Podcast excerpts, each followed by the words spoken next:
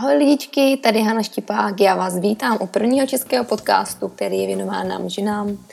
Mým úkolem je dávat dohromady jednotlivé pucle, které nám dají kompletní odpovědi na to, jak se stravovat zdravě, jak žít zdravě, co dělat pro to, když chceme zhubnout a jak správně pracovat s naší hlavou a s našimi myšlenkami, protože to je podle mě velice důležité, když chceme udělat v životě nějakou změnu. Protože se taky ví, že zabíhám do různých oblastí, které se těchto témat týkají, i když to třeba na první pohled nevypadá. Mým dnešním hostem je Honza Vídák. Honza je advokát, poradce ve zdravotnictví, spoluzakladatel Globopol.cz a ředitel Neslazeno.cz. Honza sám sebe označuje jako, že není žádný výživář ani žádný doktor, ale z oblasti výživy, stravování a hlavně chronických nemocí toho má hodně studováno. Honza je milovník různých výzkumů, rady studuje a předává dál mezi nás další lidi, aby jsme jeho znalosti i to, co on si přečetl, to, co on z těch výzkumů vyzkoumal ještě víc, aby jsme to mohli posílat dál a takhle ty informace rozšiřovat mezi vás. On tu jsem si pozvala právě proto, že má takovou zálibu ve výzkumech a i proto, že se zajímá o chronická onemocnění. Já si myslím, že obezitu můžeme jako chronické onemocnění určitě označit, protože se k obezitě, k obezitě dále vážou nemoci, jako je diabetes, hormonální nerovnováha, poruchy štítné žlázy a mnohé další onemocnění. V dnešním rozhovoru s Honzou jsme se zaměřili na to, co vůbec způsobuje já nejen tu obezitu, ale další ty přidružené chronická, přidružená chronická onemocnění, jestli chronická onemocnění lze úplně vyléčit a jestli je lze vyléčit stravou, Bavili jsme se taky na téma tuku, které bývají ještě pořád často proklínané a hlavně lidi kolem nás se jich často ještě pořád bojí, protože stále je zažitý takový ten mýtus, že když žijeme tuky, tak se v našem těle ukládají jako tuky a probrali jsme taky problematiku, jestli můžu říct, cholesterolu, jestli konzumace živočišných výrobků způsobuje to, že máme zvýšený cholesterol. Samozřejmě z jsme zjistili, nebo zjistili, Víme, že tam hraje roli podstatně daleko víc věcí, než jenom konzumace nasycených výrobků, ale celkově na životní styl a to, co jíme dalšího. A vůbec jsme se tak bavili o tom, jak on se k tomu dostal, když je teda advokát, co ho vůbec tomu vedlo, zajímat se o stravování a tady o tenhle ten směr. A já si myslím, že si to užijete, protože já jsem si to moc užila.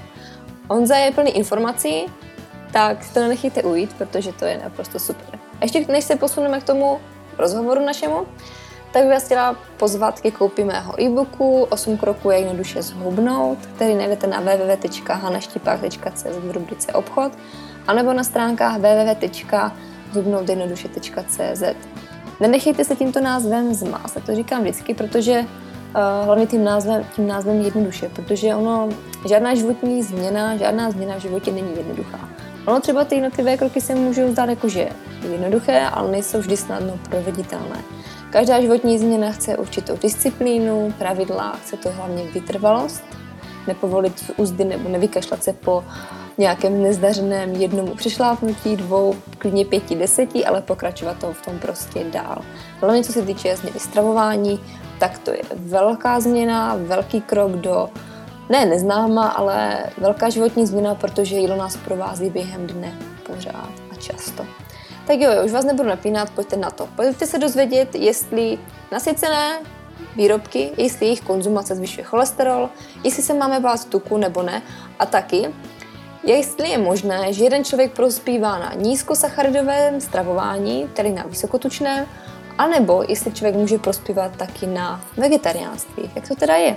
Tedy na vysokosacharidovém. Pojďte si to poslechnout. Já se na vás těším v rozhovoru s Honzou Vídákem.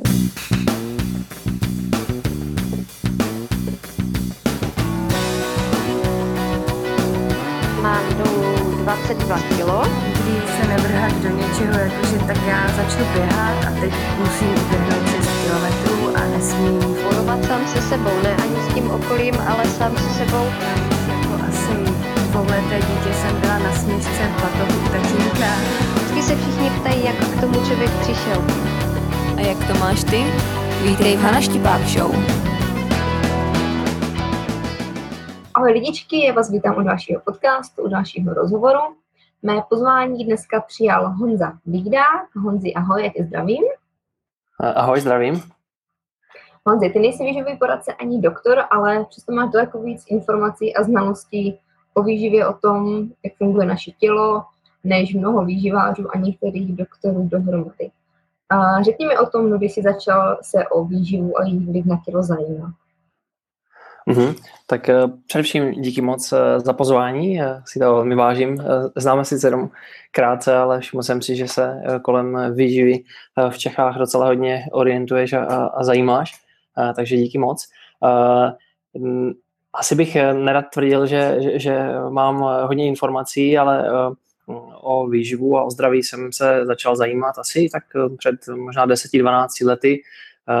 Týkalo se to tehdy um, situace u nás v rodině a došlo mi tehdy, že vlastně to, co jíme, má docela zásadní vliv na to, jak, jak zdraví jsme a jak, jak je člověk zdravý nebo nemocný.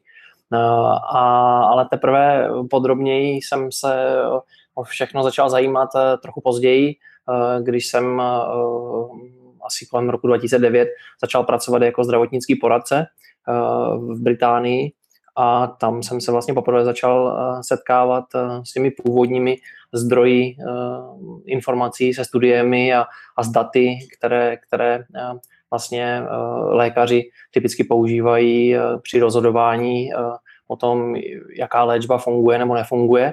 A vlastně tehdy jsem začal poprvé registrovat, že i, i výživa hraje jako zásadní roli v léčbě chronických onemocnění a vlastně začal jsem, začal jsem si uh, sám hledat zdroje a, a studovat a, a, a hledat souvislosti, které do té doby jsem uh, vlastně asi vůbec nevnímal. Takže taková byla asi, a takový byl asi ten začátek a teďka vlastně posledních sedm let si tak nějak jako procházím různé zdroje, různé informace o, o různých stravních přístupech a a dalších souvisejících opatřeních, eh, které se týkají životního stylu a zajímá mě, jak to vlastně souvisí eh, se zdravím a s chronickými onemocněními obecně.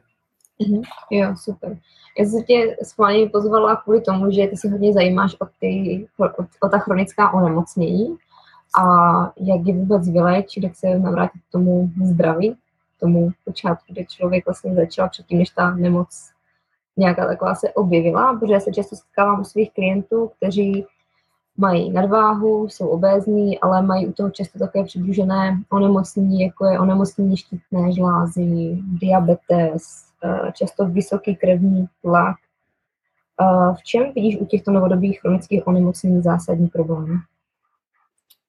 Um, tak um, Jednak jsou to určitě jako no, relativně složité medicínské problémy, do kterých třeba já až tak úplně uh, podrobněji nevidím z pohledu té samotné fyziologie, ale uh, zaujalo mě, uh, že vlastně všude po světě, kamkoliv, kamkoliv dojede taková ta běžná západní strava, kterou známe všichni ze supermarketů a často také Eh, ze svých vlastních talířů a, a, a, a obalů, které, které zbydou potom, co sníme, tak eh, všude tam, kam ta běžná západní strava eh, dorazila, tak vlastně výskyt těch chronických onemocnění začal stoupat, buď rychle nebo pomalej, v závislosti na tom, o jakou zemi zrovna šlo, ale zdá se, že vlastně to, jakým způsobem lidé v tom západním světě běžně jedí, tak má docela Eh,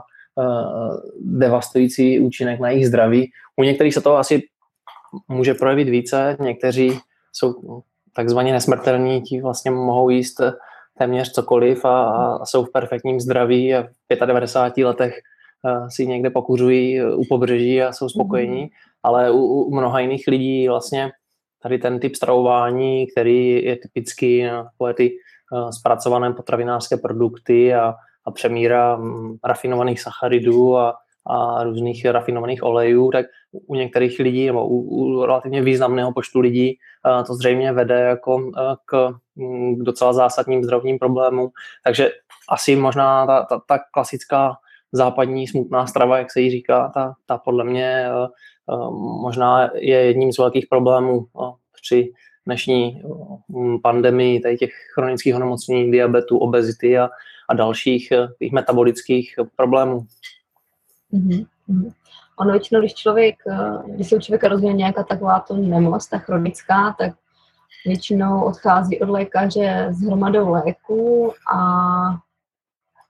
který se teda spoléhá, že by to teda měli napravit, nebo aspoň to měli udržovat v nějaké relativní normě, že by se to nemělo zhoršovat, což většinou je u koho, ale většinou to moc nepomůže.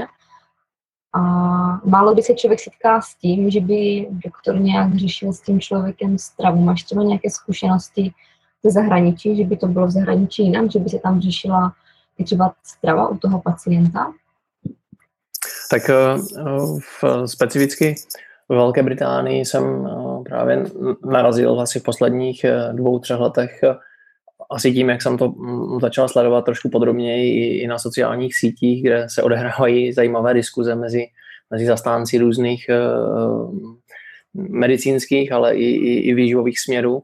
Tam odehrávají zajímavé diskuze a argumenty. Tak jsem si všiml, že uh, už v Británii je hodně lékařů, kteří vlastně jsou na sklonku své kariéry a jsou tak trochu zklamaní, že mnoha svým pacientům třeba nedokázali um, jak si to zdraví nějakým zásadním způsobem zlepšit a, a teprve, když eh, si všimli, že u některých z těch pacientů došlo k zásadnímu zlomu a zlepšení ne, nečekanému, tak vlastně se začali klást otázky, jak, jak je možné, že z ničeho nic po, po deseti letech snažení najednou ten pacient třeba s cukrovkou je na tom podstatně lépe. Často se ti pacienti vrací do ordinace a, a, a ten doktor je nepozná, protože mají o 30, o 40, o 50 kg méně.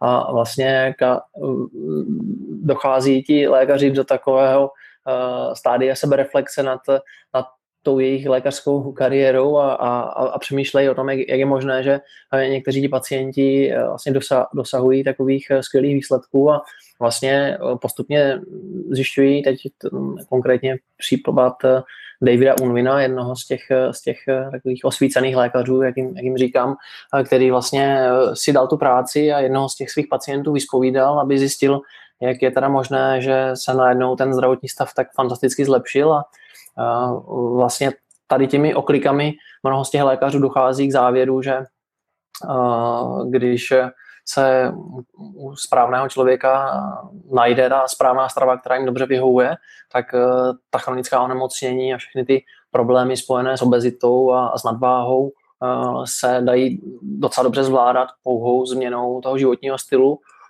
a není to nezbytně vždycky jenom takové to klasické méně jíst, více cvičit, ale mm. jsou to spíš jakoby stravovací přístupy, které třeba nejsou příliš dobře známé, anebo naopak jsou takové, jsou považovány za ty kontroverzní, ať už je to třeba nevím, nějaký vegetariánský rostlinný přístup k výživě, anebo naopak třeba nějaká nízkosacharidová strava, Eh, zkrátka se zdá, že mnoho těchto lékařů eh, zbystřilo a, začalo si všímat, že eh, když tomu pacientovi ta konkrétní strava dobře vyhovuje, ať už, ať už to je kterákoliv z těch, z těch stravních přístupů, které známe, tak ten pacient je spokojený, není hladový a většinou rychle hubne, pokud je, pokud je obézní a hlavně ty přidružená chronická onemocnění se u něj jako v podstatě začnou vytrácet. Takže mm. někteří doktoři tam hovoří o tom, že vlastně nechávají ty, ty onemocnění zmizet, což je takový jako mm. pěkný, mm. protože ta, ta, ta samotná diskuze o tom, jestli se jedná o vyléčení nebo o remisi, eh, je, je poměrně eh, složitá a, a vznikají kolem toho zbytečné, zbytečná nedorozumění. Takže oni tak jako s nadsázkou říkají, že, že eh, to onemocnění nechají zmizet a v podstatě tím myslí to, že ten pacient vlastně nemá žádné symptomy, často může přestat eh, užívat léky a, a cítí se hmm. vlastně subjektivně podstatně líp než kdykoliv předtím. Takže hmm. v Británii je, ta, je tato vlna určitě, určitě uh, znatelná a, a ti doktoři uh, našli cestu, jak ty informace sdílet na veřejnosti a, a, a díky tomu mnoha lidem určitě za posledních několik, tři, čtyři, pět let Eh, se určitě ulevilo a cítí se podstatně lépe a jsou vlastně překvapení, že takový výsledků je vůbec možné dosáhnout. Mm, super. Uh, to je moc hezké slovíčko vymizet, nechat vymizet nemoc, to hezké. On ty, jak si nakousl ty eh, různé výživové směry, buď nějaký ten vegetariánský, založený té rostlinné stravě, anebo právě ten nízkosacharidový, kdy člověk přijímá daleko více typů. Mně přijde, že to, hodně, že to dneska hodně rozděluje tu společnost, že samozřejmě jsou zastánci vyloženě ty vegetariánské stravy a potom zastánci vyloženě ty nízkosacharidové a jakékoliv sacharidy ve formě třeba obilovin jsou pro ty lidi prokletí a je to jak ďábel pomaličky. Uh, jaký ty na to máš názor? Myslíš si, že dokáže člověk, nebo že je mezi, že je mezi těmi lidmi taková rozdílnost, že jeden člověk opravdu dokáže kdyby prospívat na té vegetariánské stravě a jiný člověk na té nízkosacharidové s vyšším obsahem tuku? Hmm, tak um, to je to je zajímavá otázka. Já jsem si toho uh, všiml taky, že vlastně jsou, jsou to skoro takové jako dva tábory, které vůči sobě, ne, nevím, nevím, jak je to úplně v Čechách, ale v tom anglofonním světě, ten, ten vegetariánský svět, Camp je jedna velká skupina, která bojuje proti té nízkosacharidové, masové, tukové větvi.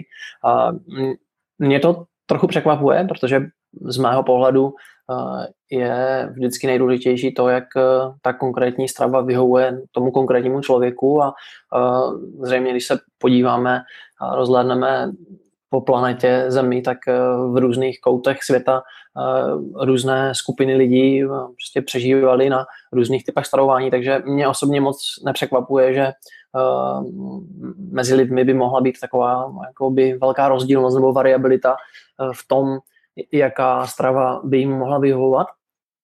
A současně mi přijde pozoruhodný, že eh, lidi velmi snadno nebo zaměřují svoji pozornost eh, na ty rozdíly, třeba mezi těmito eh, stravními přístupy a vlastně do jisté míry přehlížejí, že tyto dva stravní přístupy, když teda hovoříme o té vegetariánské stravě nebo o té nízkosacharidové stravě, mají jeden obrovský společný jmenovatel a to je vlastně to vyřezení veškerých těch ultraspracovaných potravinářských produktů, jako je cukr, mouka, rafinované sacharidy, rafinované oleje, vlastně to všechno, co klasicky tvoří jako vysoký poměr energie na té běžné západní stravě, tak jak ta vegetariánská, tak ta nízkosacharidová strava vlastně úplně vyřazuje. Takové ty dobře sestavené stravy neobsahují žádné produkty a jsou to všechno jenom základní potraviny. Takže mi přijde docela škoda, že lidi vlastně přehlížejí tady ten, tady ten, tady ten velký pilíř, na kterých obě tyto, uh, oba tyto stravní přístupy stojí a, a zaměřují se spíš na, na, na ty rozdíly, ať už, ať, už to jde, ať už jde o rozdíly mezi třeba makronutričním složením, které samozřejmě je, je jiné na těch, na těch stravách nebo na těch, na těch obou uh, typech um, stravování a um, tím pádem uh, i, i, i ta diskuze potom třeba s tím lékařem může být taková jako složitá, protože lidé často nechápou, jak je možné, že uh, ten zdravotní stav je možné zlepšit jak nízkotučnou stravou, tak, tak i vysokotukovou stravou a je to, je to možná trochu jako paradoxní, že je to ve všech případech taková mm, strava složená ze základních potravin a díky tomu, že mhm. jedna má vysoký obsah sacharidů a druhá má vysoký obsah tuků, tak lidé asi jakoby mají problém pochopit, jak je možné, že obě dvě vlastně mohou tak trochu existovat vedle sebe, aniž by, aniž by uh, to vyvolalo nějaký, nějaký problém. Mm-hmm. Nevím, jestli jsem to vysvětlil srozumitelně. Jo, jo, jo, určitě. O, já se třeba často setkávám u lidí se strachem právě z té nízkosacharidové stravy, stravy, že mají strach uh, z té konzumace toho tuku, že dáv, bylo dáváno hodně dlouho do souvislosti, že když člověk jí hodně tuku, jí hodně nasycených, nasycených tuků, hodně masa, takže je to kdyby dána do souvislosti s vysokým procentem cholesterolu, s hladinou cholesterolu v těle. Uh, vidíš v tom nějakou souvislost? Tak uh, určitě uh, tady ty Mm, úvahy a, a, a mm, vlastně zjištění maj, mají své opodstatnění, protože eh, když se já nevím, v těch 50. letech minulého století uh, začaly věci více zaměřovat na měření cholesterolu v krvi uh, lidí, což vlastně bylo jedno z takových těch prvních uh, typů vyšetření, které bylo možné provádět jakoby levně a téměř kdekoliv na planetě, tehdy se třeba ještě nedalo, nedalo dobře měřit třeba inzulín nebo i jiné typy látek. Ten cholesterol byl takový jako, takový jako populární vyšetření, protože se prostě dalo dělat už asi někdy od 30. 40. let, mám pocit. No a potom, když začali sledovat některé ty vztahy mezi příjmem Eh, tuků v některých zemích a vlastně tou průměrnou hladinou eh, cholesterolu v krvi, tak eh, začaly tam vznikat teorie o tom, že vlastně to, ten cholesterol, který přijímáme ve stravě, tak nějakým způsobem přímo vede ke zvýšení toho krevního cholesterolu. Čili takhle uh, to začalo někdy před těmi 70 lety.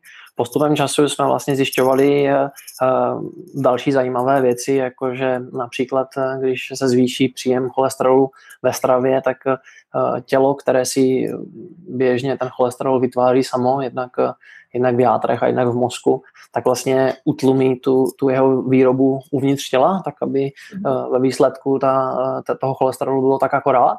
Um, takže když jsme zjistili tady tohle, tak se potom začali oprávněně ptát, eh, jak to teda s tím příjmem cholesterolu a, krevním cholesterolem vlastně je a postupně se dostal cholesterol trochu do pozadí, a, ale vznikl zase vznikla jiná hypotéza a to, že je to nadměrný přísun živočišných potravin, které obsahují masné, nasycené masné tuky nebo masné kyseliny.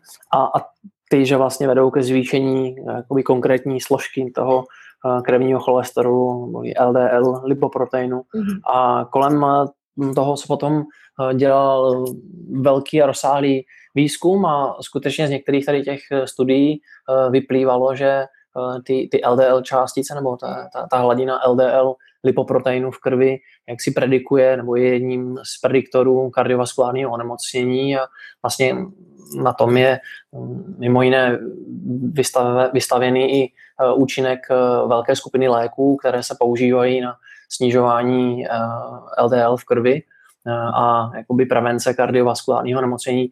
Je to relativně kontroverzní téma a často se zase přehlíží, že některé ty mm, dietní studie, které na to téma byly provedeny, tak nikdy neukázaly nějaké zásadní zlepšení těch výsledků pro, pro tu veřejnost nebo pro ty pacienty, když vlastně snižovali příjem tuků a příjem cholesterolu a příjem nasycených tuků. Jednou z takových posledních velkých studií, která, myslím, proběhla asi před deseti lety, uh, Women's Health Initiative, vlastně jakoby nepotvrdila, že uh, to zase všichni mysleli, že když se omezí příjem tuků a, a cholesterolu a nasycených tuků, takže to bude mít nějaký zásadní efekt.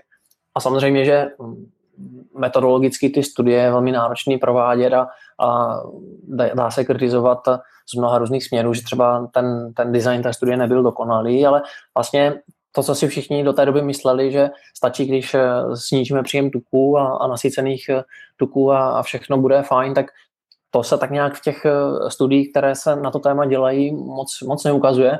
Takže se v poslední době uh, jakoby uvažuje o tom, že uh, to nebude asi jediný faktor, který hraje roli a že zřejmě uh, i některé ty další typické složky západní stravy, jako jsou rafinované sacharidy a případně právě kombinace Eh, těch nevhodných produktů v rámci té stravy každý jeden den, že to bude možná jako mnohem eh, důležitější než eh, nějaký konkrétní, nějaká konkrétní složka té stravy, jako například cholesterol, anebo, anebo jenom cukr, anebo jenom, hmm. jenom rafinovaný tuk. Zřejmě, zřejmě to bude složitější a bude to vliv různých faktorů, takže asi nemá úplně smysl, aby se třeba lidi nějak zásadně báli vzít do pusy vajíčko, protože, protože jednak jsme vajíčko asi jedli nějakou dlouhou dobu a jednak vlastně dneska už se ví, že konzumací vajíček jako si člověk nějak zásadně jako ublížit asi nemůže. Mm-hmm. No a když zůstaneme teda u těch tuků, tak aby třeba lidi měli fakt vyloženě přehled o tom, co je pro nás v pořádku jako na konzumaci a co je vyloženě ten průmyslově zpracovaný tuk nebo olej, co bys ty jako vytkl takové to nejhorší, co vůbec může objevit u nás v kuchyni? Tak um, vlastně um, dlouhou dobu asi i, i u nás, i, i v dalších zemích um, se používaly uh, oleje, které se získávaly uh, relativně přirozenou cestou, to znamená bez nějaké vysoké míry chemické rafinace. A vlastně v posledních, nevím, jestli se dá hovořit do 30, 40, 50 letech s tím, jak se vlastně objevovaly teorie a zjištění týkající se těch živočišných produktů, tak vznikl takový nápad, že vlastně ty oleje, které získáváme hm, z rostlin, ať už to jsou nevím, řepkové nebo, nebo slunečnicové oleje, takže vlastně tyto oleje musí vždycky automaticky být lepší pro konzumaci člověka právě proto, že nějakým způsobem ovlivňují ty krevní hladiny tuků,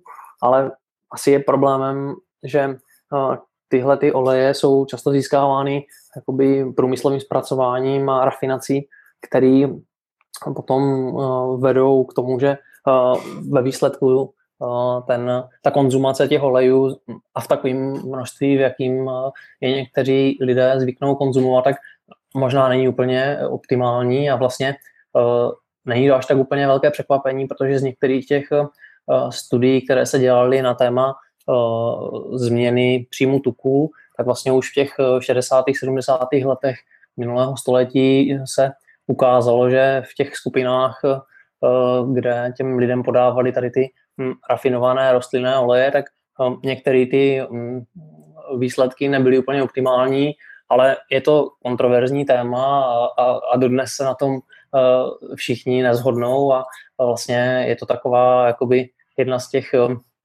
jedna z těch nekonečných debat, jestli máme jíst sádlo, nebo jestli je lepší namazat margarín. Tak mm. já třeba osobně preferuji sádlo čistě proto, že, že je to sádlo, ale některým lidem prostě vyhovuje, že si mohou nějaké krevní hodnoty snížit tím, že budou konzumovat margarín a, a je kolem toho vlastně i vybudován relativně uh, silný marketing a, a, a dobrý biznis taky. Takže mm-hmm. je to takové docela kontroverzní téma, si myslím. Jo, jo, jo, jo rozumím.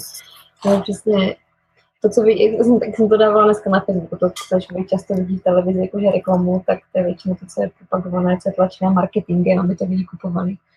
A ono, já taky nemám jakože pevně ustálený kdyby názor na ty rostlinné oleje versus ty živočišné, protože jako dají se koupit i rostlinné oleje, které jsou zpracovány, vysovány za studena, třeba i ten slunečnicový, ale co se týče zase poměru omega-3 mastných kyselin a omega-6, tak to je zase asi další téma, které by se dalo u toho zmínit, ale nevím, jestli to má cenu nějak rozvádět dál. Tak samozřejmě je pravda, že vlastně i tady v Evropě mnoho národů je jako dlouhodobě zvyklých um, konzumovat docela hodně třeba olivových, olivových olejů a, a um, asi nechtěl bych to zjednodušovat tak, že všechny rostlinné oleje musí být automaticky špatné. Předpokládá se, že některé ty zastudené lisované uh, vlastně dá se říct, že to vlastně nejsou úplně takové jakoby ty uh, klasické oleje jako slunečnicový a řepkový, ale oni jsou vlastně získávány uh, třeba z oliv, což vlastně myslím, že olivy se řadí spíš mezi jakoby ovoce, než, než vlastně uh, jsou trochu jiné povahy než, než slunečnice a řepka, ze kterých, ze kterých se ty oleje rysují. Takže určitě budou existovat i uh, jakoby méně rafinované nebo jako přirozenou cestou získávané uh, rostlinné oleje, které zřejmě uh, budou příznivější, nebo aspoň se to zatím předpokládá.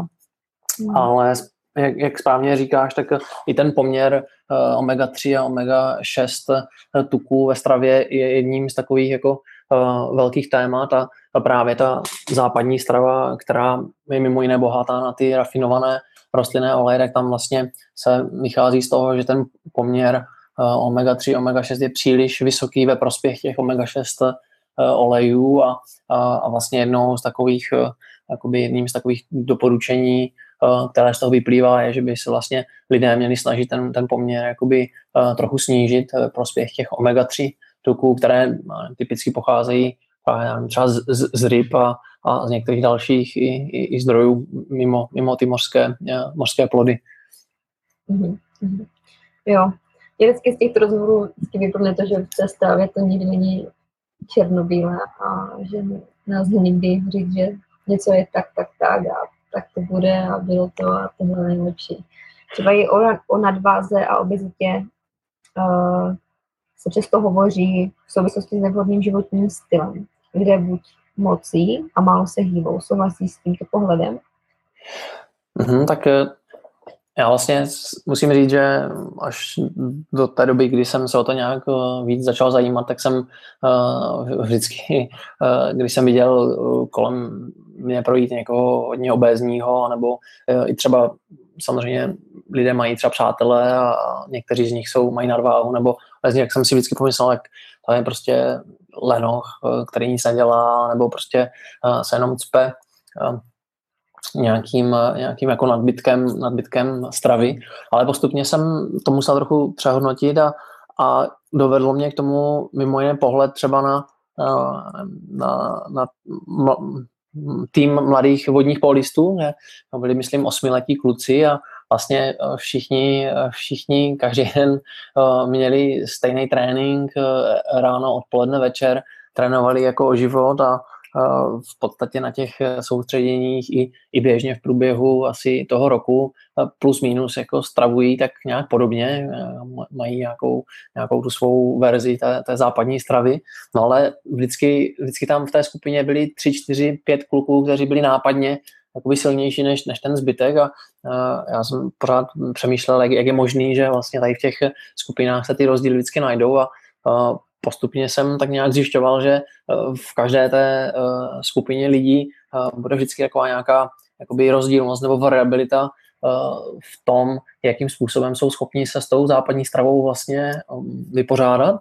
A u některých prostě chtě nechtě díky metabolicko-hormonálnímu řízení, které to tělo využívá, tak někteří na tu stravu prostě reagují tak, že v průběhu let jenom nabírají a nabírají tukovou tkáň a bez ohledu na míru snahy, kterou prostě ti lidé vyvíjejí a, a snaží se různě snižovat příjem kalorií anebo naopak více cvičit, tak v podstatě vždycky to má ten stejný efekt, že v, za půl roku jsou tam, kde byli, nebo možná jsou na tom ještě hůř.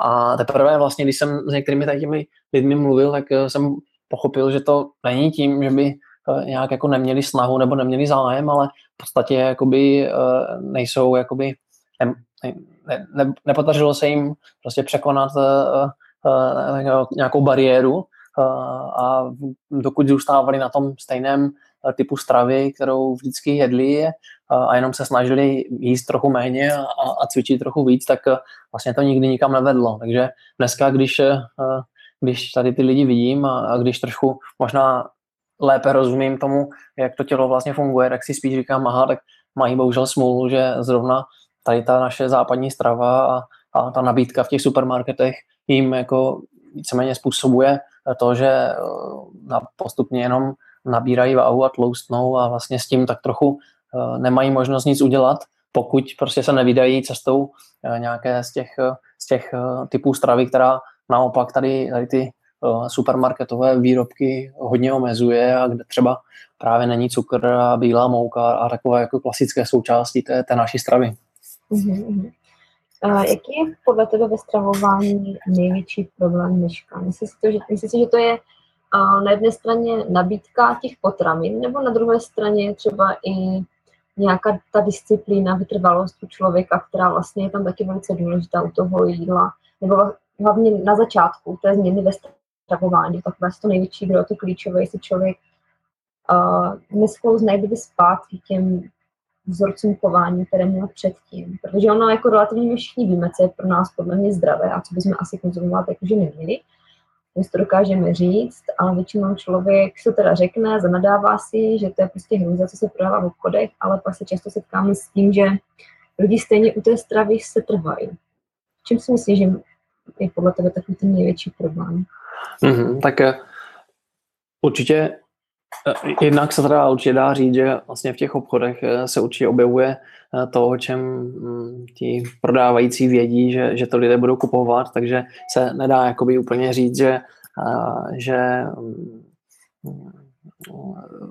ty, ty, ty produkty a výrobky se na nás jako valí hlava nehlava, to vlastně není pravda, lidé, lidé si je sami, sami kupují ale určitě um, tam zřejmě hraje roli jednak jakoby, aspoň z mého pohledu, to, to obecné povědomí, jako co vlastně je k jídlu a co, co vlastně k jídlu až tak úplně není. A to, to jsem často překvapený, že to povědomí bohužel není ani u některých lékařů, kde by vlastně člověk čekal, že, že, že budou třeba mít jako lepší informace. Ale zdá se mi, že vlastně na to, kolik času v dnešní moderní společnosti investujeme do nějakého vzdělávání na základních, středních, vysokých školách, tak není, není překvapivé, když se člověk po 15 letech studia a po postgraduálním studiu setká vlastně s názorem, že výživa žádným způsobem moc jako nemá vliv na zdraví a, anebo že stačí prostě méně jíst a více cvičit a všechno bude v pohodě. Takže vlastně za těch i, i, i pro lidi, kteří toho za život relativně hodně přečtou a nastudují, tak vlastně nějaká výživa nebo zdravá výživa tvoří úplný malý zlomek toho, co se za ten život naučí a to si myslím, že možná bude i eh, stát eh, za takovým obecným jako neporozuměním toho, jak to vlastně, eh, jak to vlastně je a, a jaké jsou ty, ty, ty rozumné volby, pokud jde o, o nějakou kvalitní stravu. No a to se potom vlastně do jisté míry promítá i do toho, že lidi vlastně mm, nepovažují za problém kupovat všemožné výrobky, které se na těch regálech objevují a, a, a takhle se vlastně ta spirála tak trochu uzavírá. Čili na začátku si myslím, že stojí trochu jakoby ne úplně dobré porozumění toho, co vlastně by člověk měl a co by naopak eh, neměl jíst.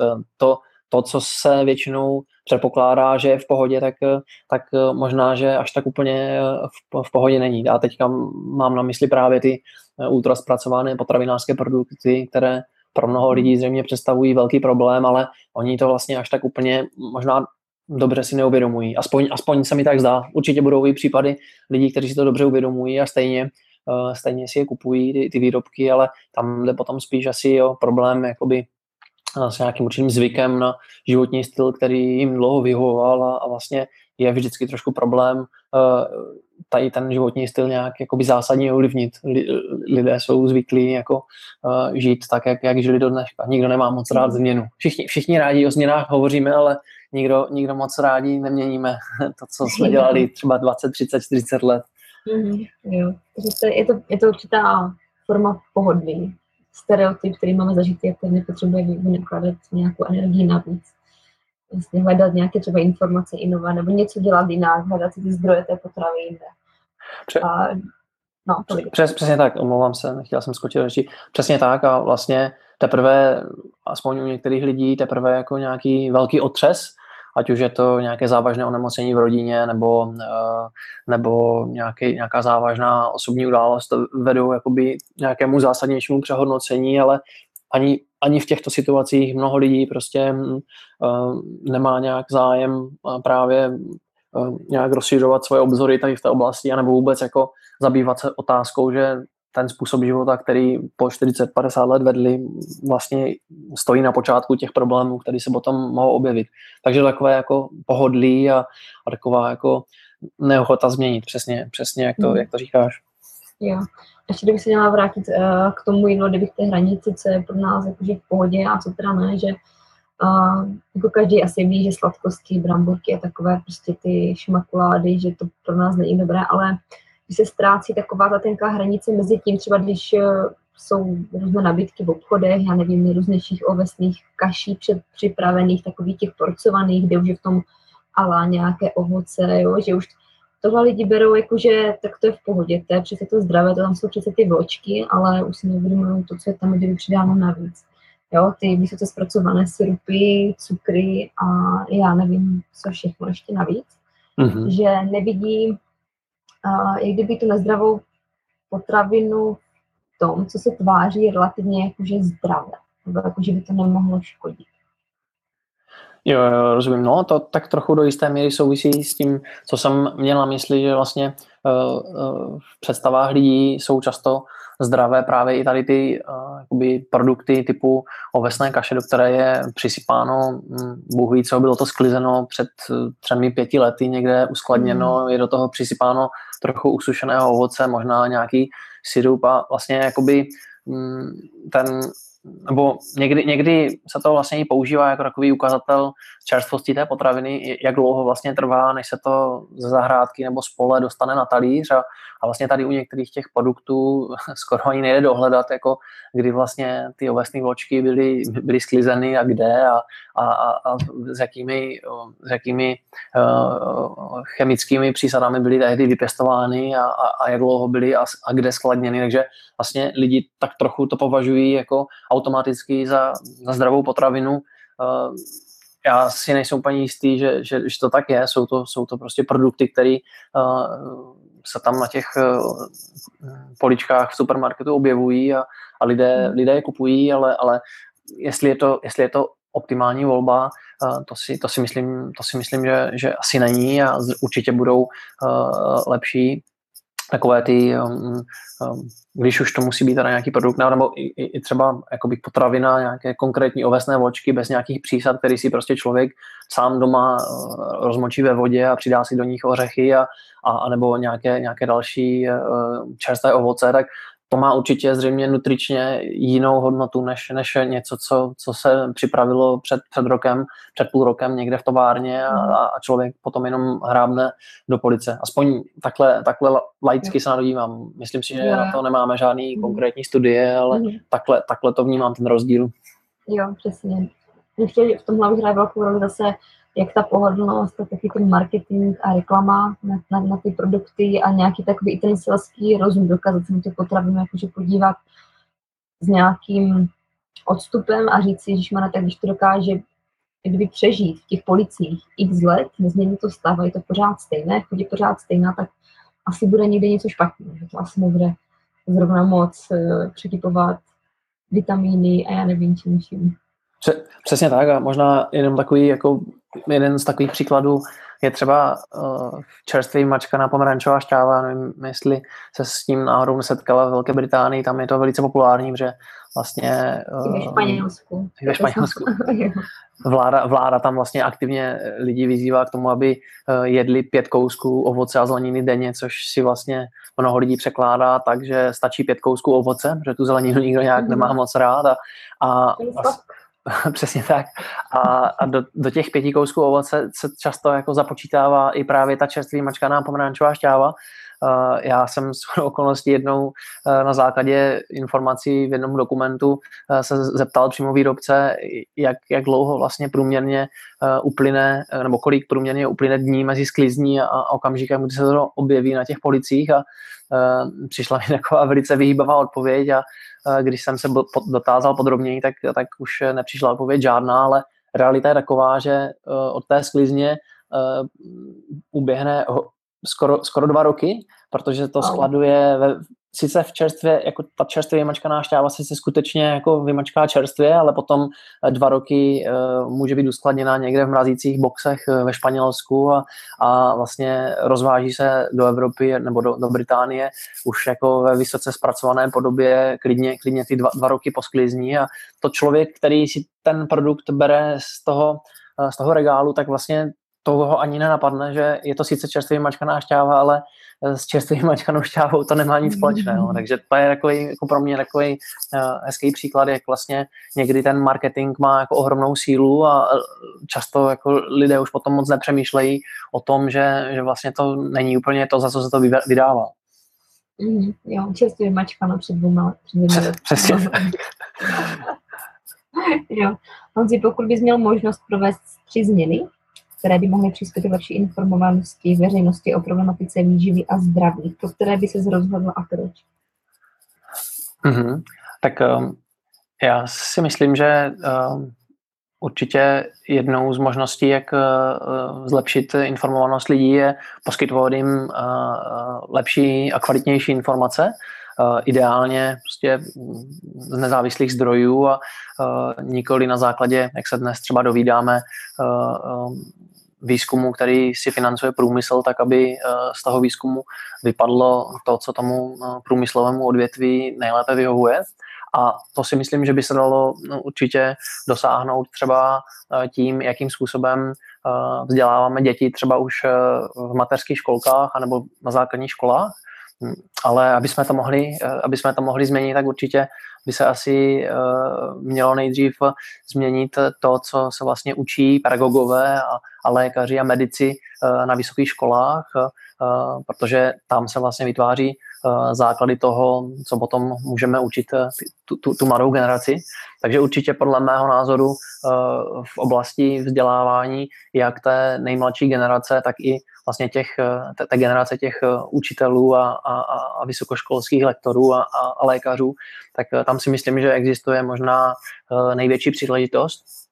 No, protože v dnešní době, když se třeba podíváme na některé aktivity Eh, ve, školách, eh, v základních školách nebo ve školkách, tak často se tam jakoby eh, objevují aktivity jakoby neziskových spolků, které ale jsou třeba přímo nebo nepřímo napojeny na nějaké na nějakého průmyslového sponzora, který vlastně má tak trochu zájem na tom, aby se, aby se ty děti naučili něco konkrétního a Potom se tam často setkáváme s eh, názory typu, že bílý rohlík je eh, ideální pro děti do 9-10 let, protože ještě nejsou připraveni na to, aby mohli konzumovat nějaké kvalitní, třeba celozemné eh, pečivo a tak podobně. Takže myslím si, že v tom vzdělání bude určitě jako velký prostor.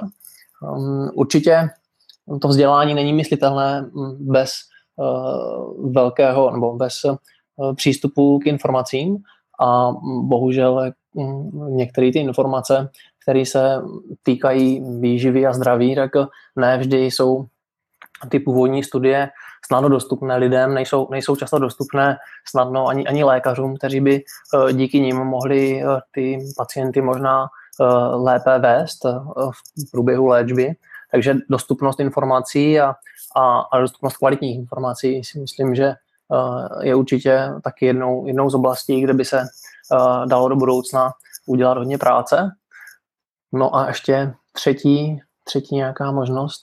Možná, že se mm, brzy budeme muset e, trochu podrobněji podívat na to, jak vlastně mm, regulujeme to, co se mm, do těch supermarketů dostává, protože dneska vlastně, e, kromě toho, že se e, potraviny a potravinářské výrobky testují jakoby na Mm, když to zjednoduším na toxicitu a, a jedovatost, tak vlastně nikdo se příliš nezabývá tím, zda třeba konkrétní výrobek jako může eh, být obezitogenní anebo diabet, diabetogenní a eh, někteří věci na to začínají upozorňovat a říkají pozor, vlastně my ten náš potravinářský nebo potravinový řetězec eh, zaplňujeme produkty, o kterých vlastně nevíme, jak, se, jak mohou ovlivňovat eh, třeba riziko vzniku diabetu v průběhu 10-15 eh, let, tak možná, že třetí takovou, třetí takovou možností bude trošku lépe se mm, zamyslet nad tím, co se vlastně vůbec prodává v těch supermarketech, ale to bude asi možná dva tak za 20-30 let, až třeba budeme mít více mhm. informací, jak třeba dělat. Mm-hmm. Super. Dobrá, tak jo, to bylo z těch hlavních otázek všechno. Já tady mám pak těch, těch pár takových těch rychlých. Tělo. Honzi, existuje něco, čemu ty věříš, ale ostatní lidé si myslí, že to je šílené? Jej, tak eh, to, to je zajímavá otázka. Hmm, musím uh, popřemýšlet. Tak uh, setka, vzhledem k tomu, že já sám jsem eh, na, na nízkosacharidové stravě eh, z, z konkrétních zdravotních důvodů, eh, tak já třeba věřím, že pro mě osobně ta strava je v pořádku, ale často se setkávám s tím, že si lidé klepou na hlavu a říkají, proč nejíš to, proč nejíš ono? A to je úplně zoufalý způsob stravování a vlastně e, často, čast, nebo asi spíš dřív, teďka už to tak není, ale e, dřív jsem se setkával s tím, že jsem byl v podstatě zablázna. Není žádný důvod pro, pro to, abych se stravoval nějakým konkrétním způsobem, když vlastně hmm. strava nemá žádný vliv na naše zdraví. Hmm. Hmm. A máš nějaký citát, podle kterého žiješ svůj život, nebo na něj často myslíš? Um, Asi mám, líbí se mi, myslím, že to je Marcel Proust, který říkal, že skutečná cesta objevování nespočívá v hledání nových horizontů, ale v novém pohledu nebo v nové perspektivě na, na, to, na ty známé nebo na to, co už známe. Mm-hmm. Jakou nejhorší radu kolem sebe často vidíš nebo slyšíš a která putuje do široka mezi lidmi?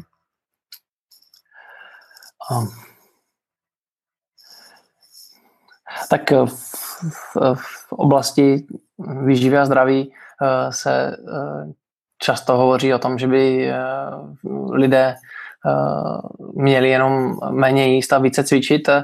To se mi na to, že píšeme rok 2017, zdá jako velmi zjednodušený pohled na věc a asi by bylo možná lepší, kdyby, kdyby se říkalo, jeste lépe, kvalitněji a, a užívejte, si, užívejte si cvičení mm-hmm. a pohybu.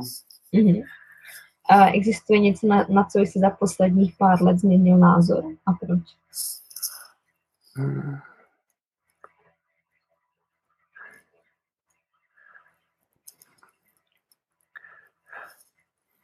No určitě jsem uh, musel změnit názor uh, na to, že um, můj životní styl, který jsem si do té doby myslel, že je, je v pořádku, protože jsem vlastně jedl zdravě a hodně jsem sportoval, takže um, neovlivňoval můj zdravotní stav. Vlastně zjistil jsem, že ačkoliv jsem žil podle eh, těch, těch mm, běžných doporučení, eh, která jsem slyšel a o kterých jsem četl, eh, tak můj zdravotní stav nebyl, nebyl optimální a vlastně teprve, když jsem provedl některé změny, tak jsem si uvědomil, jak, jak zásadní vliv vlastně ten náš životní styl má na, na naše zdraví. Takže tam jsem musel hodně přehodnotit uh, svoje, svoje představy o tom, že stačí jenom hodně sportovat a vyběhat, vyběhat všechno a že, že to bude všechno mm. fajn. Tak to, to, se, to se změnilo. Jo, vybě, vyběhat koblihy. Jo. Vyběhat koblihy, přesně tak. Ačkoliv já jsem z těch koblih tolik nesnědl, ale, ale, ale přesně tak. jo, vždycky říkám, to, co člověk sní, tak to prostě nevyběhá a neucvičí. I kdyby se sebe víc snažil. přesně tak. Jo, super Honzi. Já ti děkuji moc krát. By tě můžou lidi třeba najít nebo číst tvé články nebo odkázat na nějaké informace o tobě? Tak eh, zatím eh, já moc eh, toho na veřejnost vlastně zatím nedávám, ale připravujeme s, s mm, některými lékaři a mými kolegy projekt neslazeno.cz, facebookovou stránku vlastně už nějaký čas teďka máme, kde vlastně lidé mohou najít zajímavé informace, které se týkají výživy, eh, diabetu, obezity, metabolického syndromu, takže tam, eh, tam eh, některé svoje názory a, a, i objektivní informace se snažíme zpřístupňovat. A, a jinak se občas dostanu na Twitter, takže na Twitteru Jan Vídák jsem taky k zastížení, ale to v poslední době moc nestíhám, takže, takže je to spíš tak nahodilá záležitost. Mm-hmm. Jo, super, Honzi. Já ti děkuji moc krát. A doufám, že potom spolu uděláme někdy i rozhovor na, právě na to neslazeno. Jo. A na, jo, na další. Jo. Vezme, taky děkuju a díky moc za zajímavé otázky a na některým asi budu ještě přemýšlet, protože jsou, jsou, jsou perfektní. Jo, on je pořád nad čím přemýšlet v tom jídle a v tom stravování. Takový nekončící koloběh pořád. Přesně tak, nové informace se pořád objevují a, a je v tom možná čím dál tím větší guláš. jo, jo, je, je, přesně tak. Přijde, že kolik čím víc člověk do toho kdyby vidí, čím víc o tom studuje, tím víc je zmatený a neví, co teda nakonec je to nejlepší, co by mělo. Hmm, to je tak, to, to je taky můj, moje zkušenost zatím. tak jo, super, tak moc krát děkuji. Tak, krásný. Taky díky, hezký den a díky moc za pozvání. Jo, super, děkuji. Měj se krásně, čau. Děkuji ti, že jsi doposlechla můj podcast a našla si tak sama chvilku pro sebe. Ještě než mi utečeš, tak prosím nezapomeň dát odběr tohoto podcastu na iTunes, pokud jsi jablíčkář, by budu taky ráda a moc vděčná za tvoji recenzi, která mi pomůže dostat se výš v posluchatelnosti Taky můžeš přihlásit odběr tohoto podcastu na SoundCloud, pokud jsi Androďák, a nebo tyhle podcasty můžeš poslouchat na YouTube, kde mě najdeš jako Hana Štipák. Pro odběr a poslech přes iTunes a SoundCloud vyhledávej tenhle podcast pod jménem Hana Štipák Show. Naštiv taky mé stránky www.hanaštipák.cz kde se s tebou dělím o nejrůznější články, tipy, triky, mé postřehy. Nezapomeň se zde přihlásit taky k odběru mých pravidelných informací formou e-mailu, který přijde do tvé schránky, kde se s tebou dělím taky o mé osobní věci, které jen tak všude nezdílím s ostatními. Naštiv taky můj YouTube kanál, kde mě najdeš pod jménem Hana Štipák a nezapomeň tento kanál odebírat, aby ti neunikly nová videa, tipy, jak na to a nejrůznější mé povídačky. Chceš se se mnou setkat osobně a pomoct s hubnutím? Napiš mi na hanaštipák.cz Já ti děkuji ještě jednou, podcastu zdar a těším se na tebe příště.